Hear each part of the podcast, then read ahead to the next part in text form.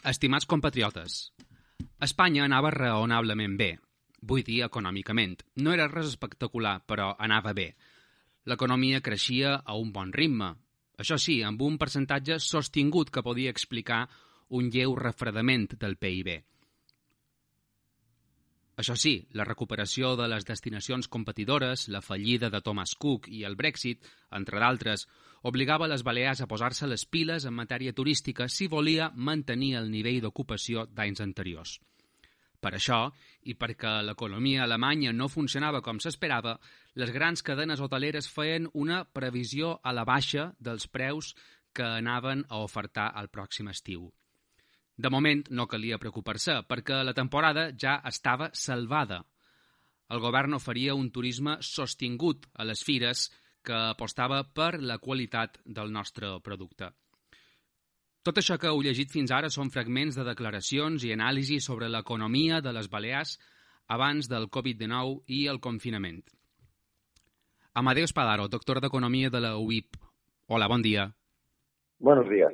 I mentre seguíem debatint com un mantra sobre si vendria un milió més o un milió menys de turistes aquest estiu, a la Xina se fabricaven milions de mascaretes. Jo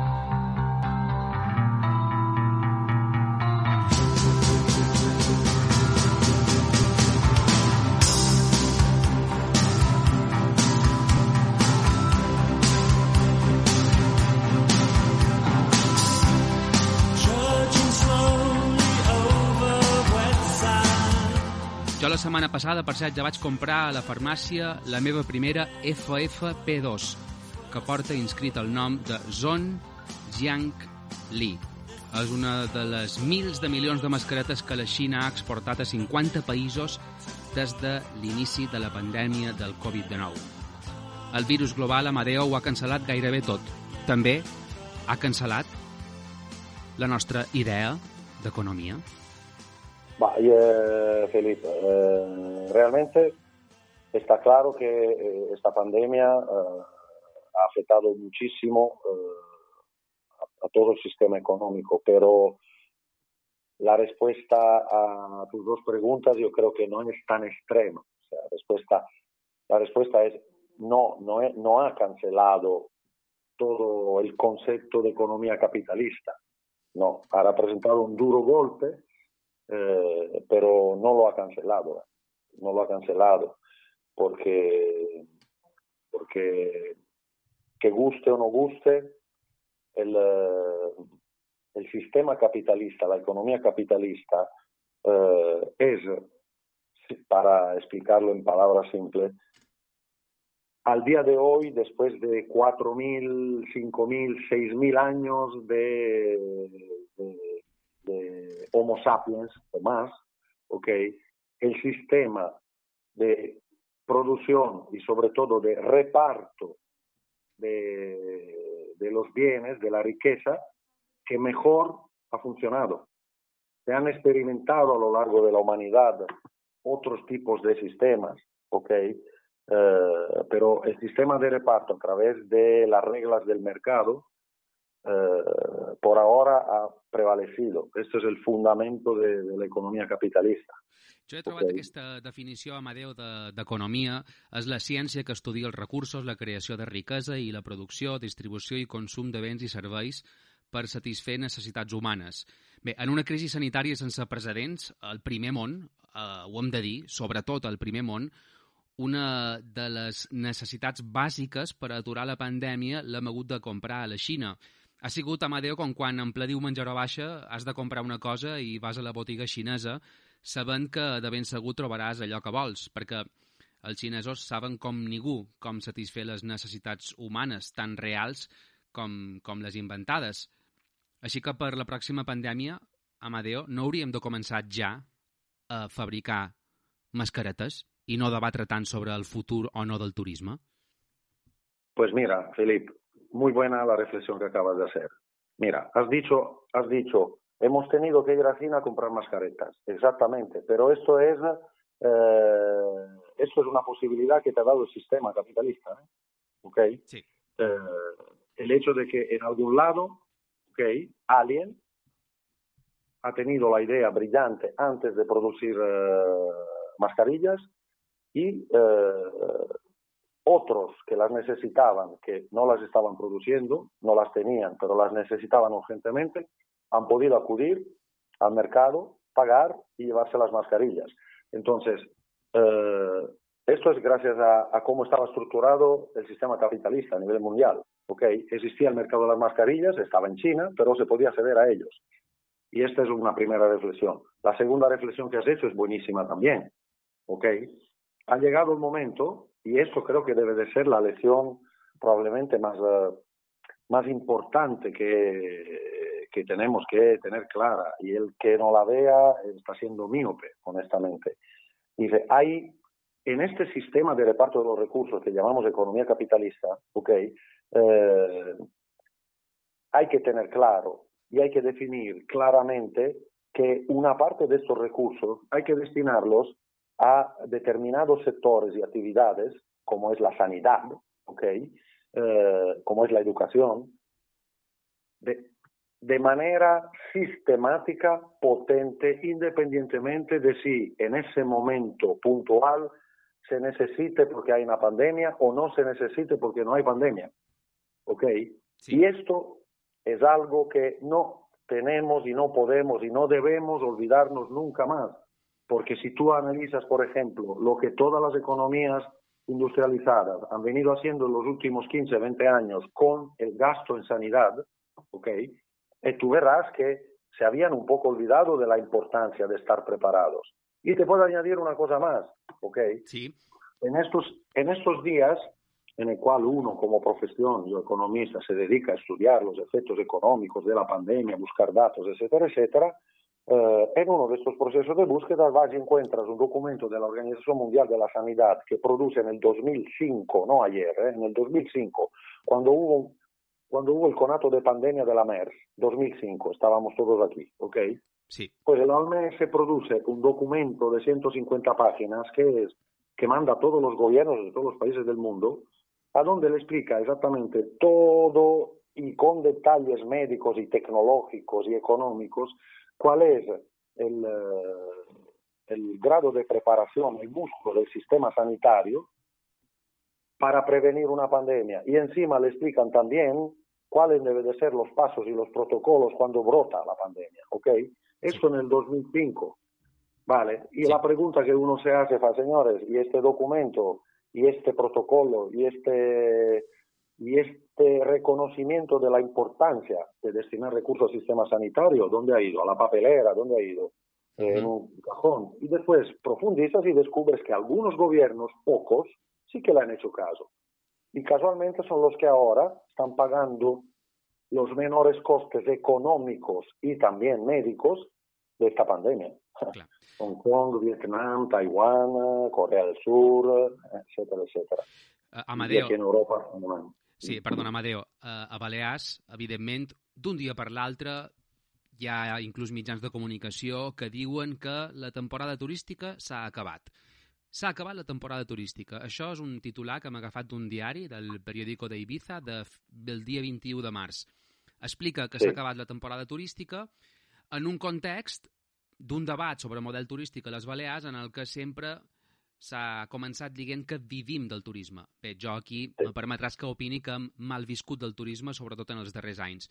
Clar, aquest model, que sempre ha estat motiu de debat a nivell polític, sobretot, econòmic, social, de cop i volta resulta que aquest model és inservible d'un dia per l'altre per l'existència d'una pandèmia.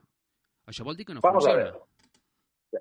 Mira, Felipe, el tema, de, el tema del, de, del sistema balear y canario, por ejemplo, orientado masivamente al turismo, es otro elemento interesante de, de, análisis y de debate a raíz del coronavirus. Está claro que todo lo que has dicho tú es cierto y los titulares son correctos. La temporada eh, se ha ido a la papelera completamente. Las fuentes de ingresos para toda la sociedad y la economía balear eh, que vienen del turismo esta temporada no van a estar. Entonces la reflexión, obviamente, ¿cuál es? Dice, es de cara al futuro, es inteligente seguir apostando por un modelo idéntico a el que teníamos?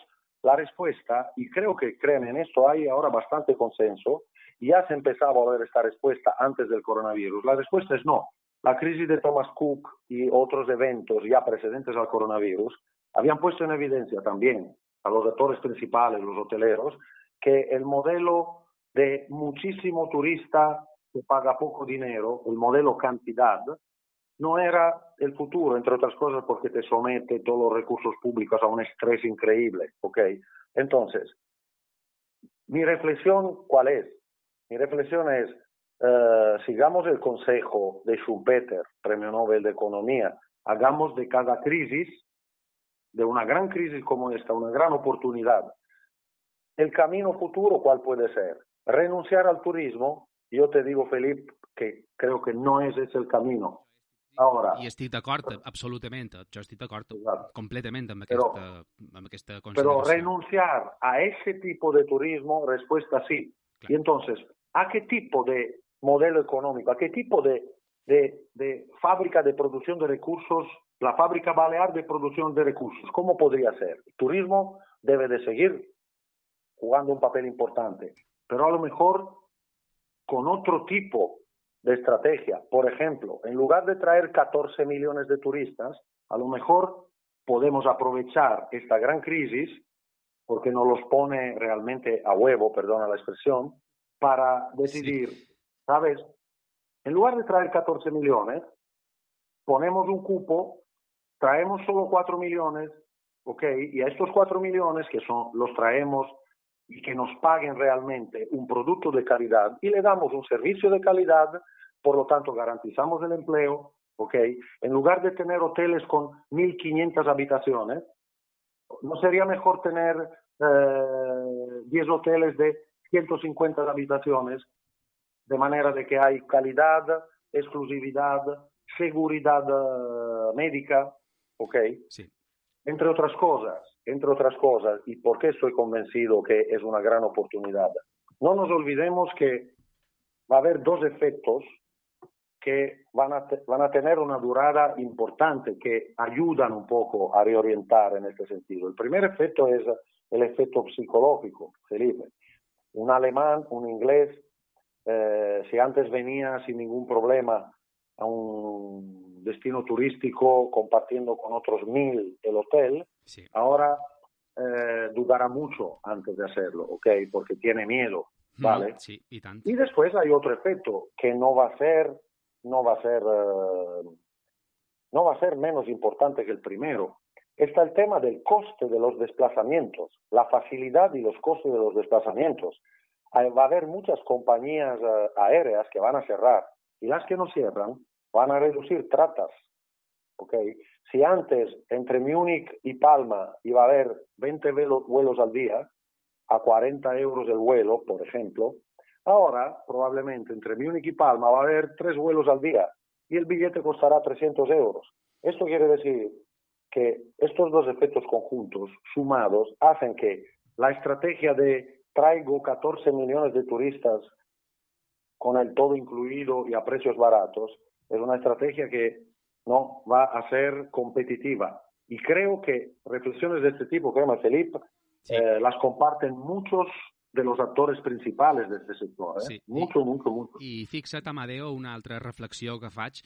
Jo durant aquests dos mesos de confinament no he tingut tampoc tant de temps per poder reflexionar sobre, sobre el món, perquè hi ha una cosa que es diu Netflix que m'ha mantingut molt entretengut, hores i hores i hores, d'entreteniment que m'han servit per oblidar-me del drama que se vivia al carrer. Sí, aquesta, sí. aquesta crisi també és un, és un triomf de Silicon Valley? Eh, hombre, buena visión, ¿eh? No había pensado, no había pensado en ponerle este, esta etiqueta, pero, pero sí, lo que mira, eh, yo creo que estos 50 días de, de cuarentena a nivel mundial han, representan, por ejemplo, un antes y un después en, en las relaciones laborales. ¿eh? Muchísimo. Hemos aprendido muchísimo a trabajar, a teletrabajar. muchísimo, tu has, muchísimo. ¿Ho has aconseguit tu, Amadeo, teletreballar? ¿Has aconseguit? Sí. ¿Sí? Sí, sí, sí, sí, sí, sí, sí, sí, sí, sí, sí. Yo te tengo que decir que en este sentido hacía parte de una categoría un poco privilegiada. O sea, en, la universidad nosotros teletrabajamos uh, ya desde hace unos 10 años, ¿ok? Por lo tanto, eh, partíamos avantajados, pero no cabe duda que, que el nivel de, digamos, el nivel de cultura tecnológica para el te teletrabajo ha aumentado, pero se habrá multiplicado por 100 en estos 50 días. Sí. Antes, antes del coronavirus, yo creo que había pocas personas que sabían ni de la existencia de, de estos programas como Zoom, Jitsi o de esos programas de teleconferencia, videoconferencia. Uh, debían haber el, el 0,01% sí. de la población. Así y ahora, es. hasta, hasta, vamos, hasta mis padres saben montar una, una, una reunió en Zoom. Sí, sí, sí, això és, és, vera, això és cert. Ja per acabar, Amadeo, la darrera de totes. Tu, tu d'on ets? De quina part d'Itàlia? Jo soy de Sicília. Ets de Sicília. Bé, te faré una pregunta que no és ben bé econòmica, però que sé que segur t'agradarà respondre. El Covid-19 ha acabat amb el caràcter mediterrani? No, no, no, no, no, no. Mi respuesta es definitivamente no. Felipe, escucha que son uh, 10.000 años, ¿eh? 10.000 años de Mediterráneo, ¿eh? Són 10.000 anys de Mediterrani. Però, però és que jo t'he de, rec... jo, jo de reconèixer, Amadeo, i ho he dit en antena diverses vegades, que jo som una persona molt paupadora. M'agrada molt tocar a la gent, abraçar. De vegades eh. me comunic molt millor amb una abraçada que amb paraules. I, i n'estic orgullós, a més a més. Eh? Clar, a tot de cop i volta, la, la paraula que més eh, m'ha rondat al cap durant aquests mesos ha sigut distanciament. Distanciament. Sí distanciament social, més, més que social físic, és un distanciament físic, perquè social, eh, a veure, no, no té res que veure. I estic segur que per Sicília, per la teva, la teva família, no sé si els hi ha afectat o no tant aquesta situació del distanciament, però no ho deuen dur gaire bé. M'equivoco o no? Pues eh, obviamente, estamos de acuerdo. Es decir, pero, pero te digo una cosa, 10.000 años de calor humano, pueden venir 40 coronavirus de golpe. Sí. No los van a borrar. Y de hecho te argumento científicamente mi respuesta. Ah, sí. Vaya. Sí, Digas. sí, sí, sí. sí. Eh, no es la primera vez en estos últimos 100 años que la humanidad entera pues, sufre pandemias de este tipo. Y, y no, hace, no hay que remontarse a hace mucho, ¿eh? Felipe, yo no sé qué edad tienes tú, pero eh, los, nuestros padres recordarán seguramente que en el 1968, ayer, ¿ok? Sí. En el 68 eh, Europa eh, sufrió una gran pandemia de gripe, la que quedó en la historia como la gripe de Hong Kong, porque Ah, sí. el primer brote vino de Hong Kong, ¿ok? Y era una gripe nueva, ¿ok? Como la española en la Primera Guerra Mundial, pero en el 68 esa gripe en España eh, para, para dar números en España. Hizo alrededor, creo, si no recuerdo mal eh, los datos, he visto como unos eh, 6 millones de contagios. 6 millones de contagios, con, según datos de la OMS, eh, alrededor de unos 70, 80 mil muertos. Sí. ¿ok?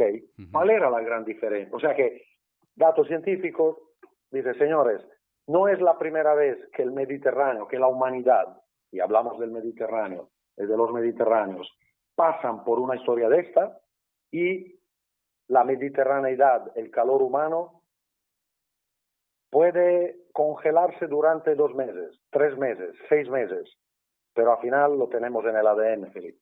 ¿Entiendes?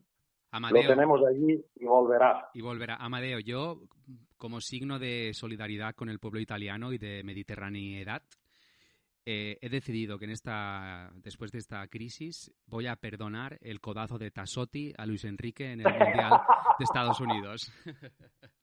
Aprecio muchísimo ese gesto, Felipe, porque realmente, realmente, y, y escucha, y te tomaré y te tomaré y hablaré de tu perdón, porque llevo 20, 22 años viviendo aquí en España y ese codazo maldito Sí, ha sido argumento, argumento continuo. Pues Cada ara, vez fixa't quina, quina importància té aquesta, aquesta colzada que és evident que va, va facilitar molt el camí a Itàlia. La Itàlia d'un dels jugadors que jo més he venerat a la vida, que era Roberto Baggio. I t'he fet la pregunta perquè, Amadeu, tu ets una persona de, de futbol. Escolta, Sí. molt, moltes gràcies per, eh, per compartir aquests minuts amb estimats compatriotes aquí a la Mediterrània i esperem que tornem a parlar d'aquí uns mesos de, de com està funcionant això i sobretot si anam aprenent realment alguna cosa. Gràcies, Amadeu. ha sido, Felipe, ha sido un gran placer y visca, visca esa Mediterránea. I mediter mediterràniament, clar que sí. Exactamente. Venga, un Adeu. abrazo.